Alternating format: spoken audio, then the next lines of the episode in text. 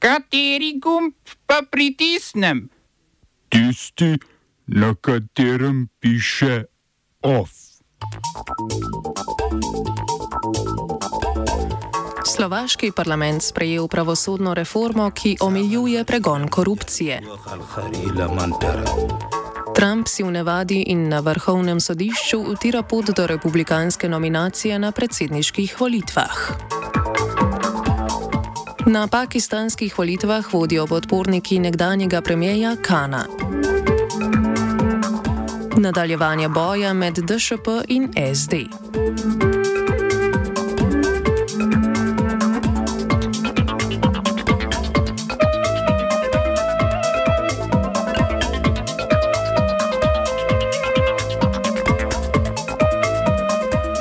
Nekdani ameriški predsednik, ki želi to znova postati, Donald Trump, je zmagal na republikanskih strankarskih zborovanjih v zvezdni državi Nevada na tako imenovanih kokusih.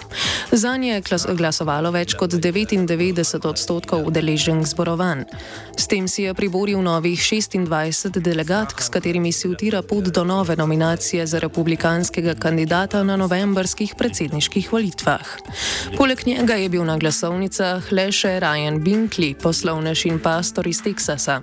Njegova edina dejanska tekmica Nikki Haley se zborovanj ni udeležila, je pa sodelovala na primarnih volitvah dva dni prej, kjer je bila edina kandidatka. Kljub temu je za njo glasovalo manj kot tretjina voljivk, večina se jih je namreč odločila za opcijo nihče od naštetih. Primarne volitve so bile zgolj simbolične, saj se je republikanska stranka, kot že omenjeno, odločila, da delegatske glasove prinaša zmaga na strankarskih zborovanjih.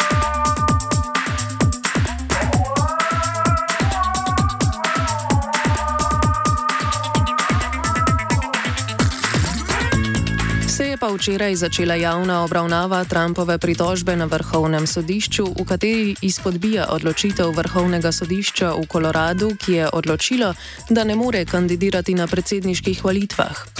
To so utemeljili 14. členom ameriške ustave, ki kandidiranje onemogoča osebam udeleženim v nasilnih uporih.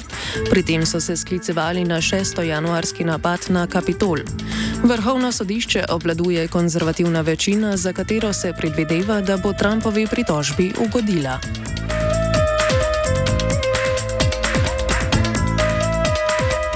Gruzijski parlament je potrdil novo vlado pod vodstvom nekdanjega predsednika stranke Gruzije Sanje Iraklija Kobakidzeja. Ta je na položaju nasledil soimenjaka Iraklija Garibašvilija, ki je odstopil konec prejšnjega meseca.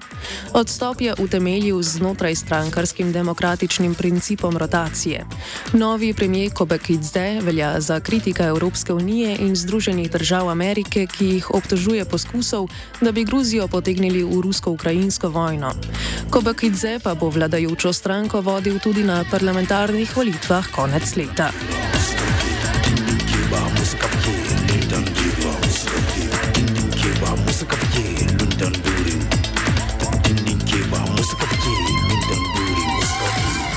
Na pakistanskih parlamentarnih volitvah se po prvih delnih rezultatih, ki jih je objavila Državna volilna komisija, zmaga obeta kandidatom in kandidatkam, za njih je rezerviranih 60 mest v spodnjem domu, povezanim z nekdanjim predsednikom Imranom Khanom.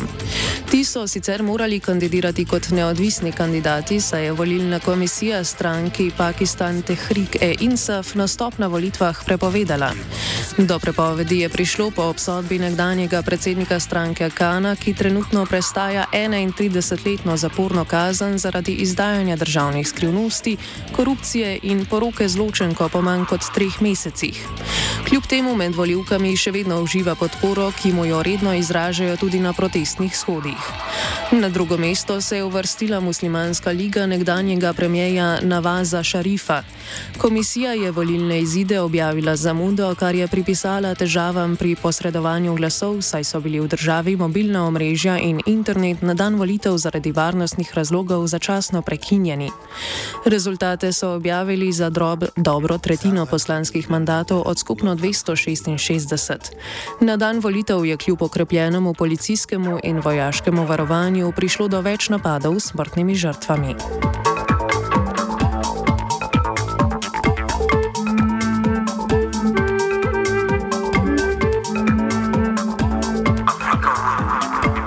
Aktivistke so zasedle mačarski konzulat v Benetkah in zahtevale izpustitev Ilarije Salis, osnovnošolske učiteljice in borke proti fašizmu. Po aretaciji v Budimpešti ji grozi 24 let zaporne kazni zaradi napada na dva neonacista na lanskoletnem spominskem zborovanju skrajnih desničarjev. Poleg napada jo obtožujejo tudi članstva v skrajni levičarski organizaciji. Salis krivde v očitanih kaznjivih dejanjih ne priznava. 30 aktivistk zahteva izpustitev, sojenje, na katero so jo pripeljali v okovih in lisicah, pa vidijo v funkciji kaznovanja antifašističnega delovanja v državi, kjer so antimigranske mejne patrulje ne le tolerirane, ampak promovirane. Po medijskih objavah o ravnanju s Salis je italijanska premijejka. Pardon, italijanski premijer Giorgia Meloni od mađarskega premijeja Viktorja Urbana zahtevala obljubo, da bo ta deležna pravičnega sojenja.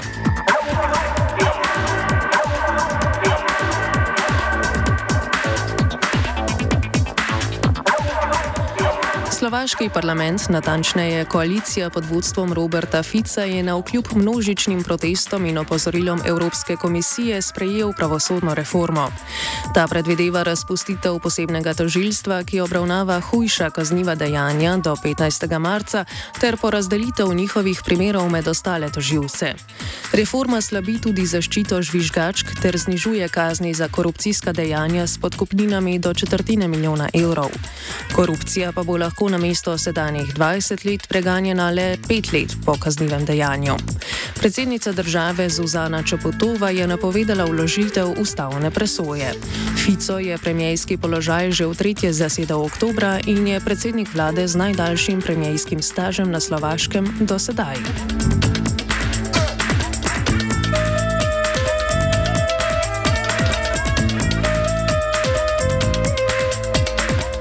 Odbor stalnih predstavnikov vlad držav članic Evropske unije je potrdil začasni dogovor o migracijski in azilni reformi med predsedstvoma Evropskega sveta in Evropskega parlamenta.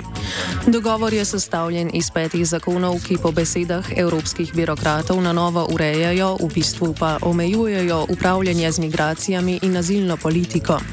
Zakoni poostrujejo nadzor na mejah, omogočajo hitrejše vračanje begunku izvorne države, če ne zadostujejo po zaostrenim kriterijem ter uvajajo enotno proceduro na mejah za vse države članice. Hkrati pa zakoni dajajo pooblastila državam, da v tako imenovanih izrednih razmerah uvedejo dodatne ukrepe, ki bi še poostrili pravila za sprejemanje begunki in zagotavljanje azila. Zakone morata sedaj potrditi obe zakonodajni telesi Evropske unije, Evropski parlament ter Evropski svet. Smo se osamosvojili, nismo se pa osvobodili. Naslednje število je še 500 projektov.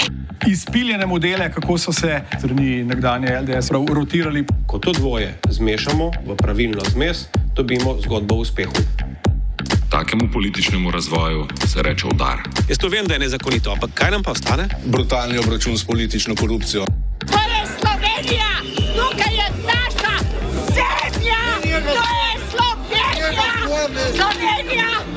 Slovenija!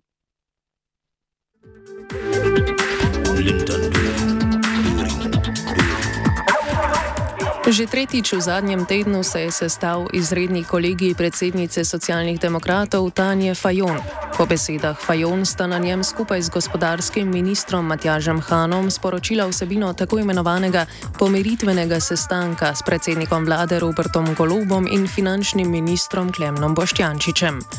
Na njem so sklenili, da SD zaenkrat ostane v koaliciji.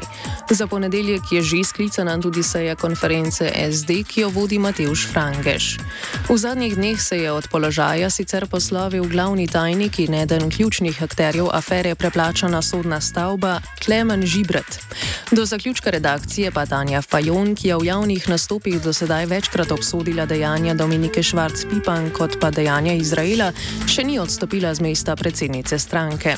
Medtem ko se je stranka SD na kulturni praznik preko socialnih omrežij blamirala z nepoznavanjem slovenskih pesnikov, je Dominika Švarc-Pipan na Facebooku objavila zapis, v katerem je še enkrat podrobno pojasnila vse okoliščine 8 milijonskega nakupa stavbe na letališču. Litijski. Ob koncu zapisa se je obregnila ob vodjo poslanske skupine SD Janija Prednika, ki jo je dan prej na seji Komisije za nadzor javnih financ označil za Esmeraldo, ki je spregledala. DŠP mu je vrnila z besedami: Esmeralda je spregledala, je rekel Stevie Wonder. Je pa po poročanju Pop TV Švarc Pipan na ljubljanskih ulicah, kjer med drugimi deli avtograme mimoidočim, že pripoznana kot borka proti korupciji.